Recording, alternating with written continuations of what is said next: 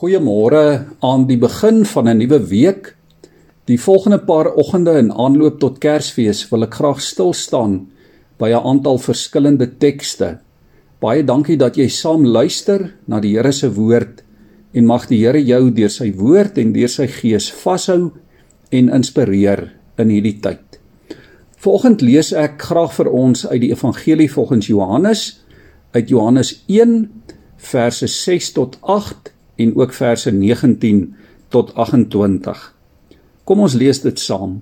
Daar was 'n man gestuur deur God wie se naam Johannes was. Hy het tot 'n getuienis gekom om van die lig te getuig sodat almal deur hom kon glo. Hy was nie die lig nie, maar hy moes van die lig getuig. Vers 19 En dit is die getuienis van Johannes toe die Jode priesters en leviete uit Jerusalem na hom toe gestuur het om vir hom te vra: "Wie is jy?" Hy het verklaar: "Dit nie ontken nie, maar openlik verklaar: Ek is nie die Christus nie." Hulle vra hom toe: "Wat dan?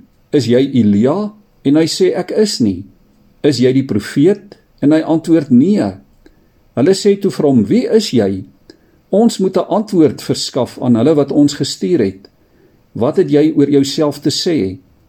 Hy antwoord toe: Ek is die stem van die een wat uitroep in die woestyn: Maak die pad van die Here reguit, soos die profeet Jesaja gesê het. Daar was ook afgevaardigdes uit die geleedere van die Fariseërs en hulle het hom gevra: "Waarom doop jy dan as jy nie die Christus of Elia of 'n profeet is nie?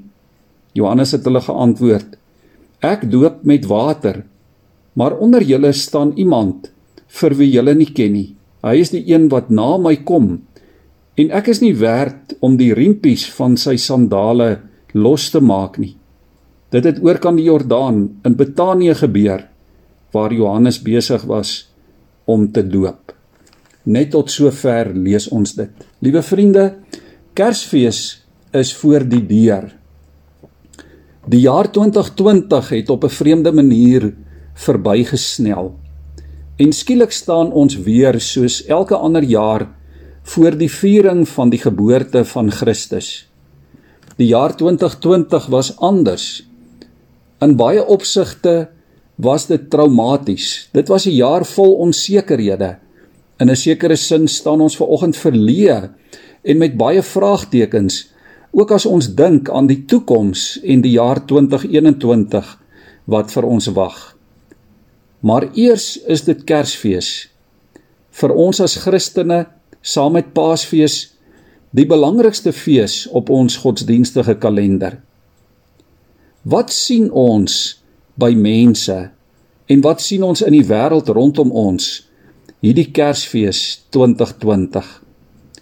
Ironies is dat ongelowiges in hierdie tyd ook feesvier, ook ontspan en gesellig verkeer. Ons sien die kommersialisering van Kersfees. Ons sien hoe besighede sakke vol geld maak. Ons sien blink liggies en ons hoor vrolike musiek. Ons sien ook hoe mense hoopvol in asbliksakke en op vullishope rondkrap vir iets om te eet. Ons hoor in hierdie wêreld in hierdie tyd ook berigte van 'n skerp stygings in COVID-19 gevalle en alles wat daarmee saamgaan. Dalk is daar ver oggend in in hierdie dae voor Kersfees 'n vraagteken in baie mense se gemoed. Sommige mense het hoop en ander soek na hoop en ander wanhoop. Ons skrifgedeelte vertel van Johannes wat in die woestyn getuig van die koms van Jesus die Messias. In vers 23 moedig Johannes die mense aan om die pad van die Here reguit te maak en om voorberei te wees op die koms van die verlosser. En dit is die oproep, liewe vriende, tot elke Christen gelowige in hierdie Kersfeestyd. Maak die pad van die Here reguit. Fokus op Christus die koning, op sy koningskap, sy koninkryk Laat die Gees in die woord van God toe om jou aandag vas te hou op die verlossing van God en op hom wat gekom het as verlosser vir die wêreld. Hoe moet ons Kersfees vier? net op een manier. Maak die pad van die Here reguit. Laat sy lig jou lewenspad verlig. Getuig oor hom as die ware lig in jou gedagtes, in jou woorde en in jou dade. Mag sy lig helder deur jou skyn hier aan die einde van 2020.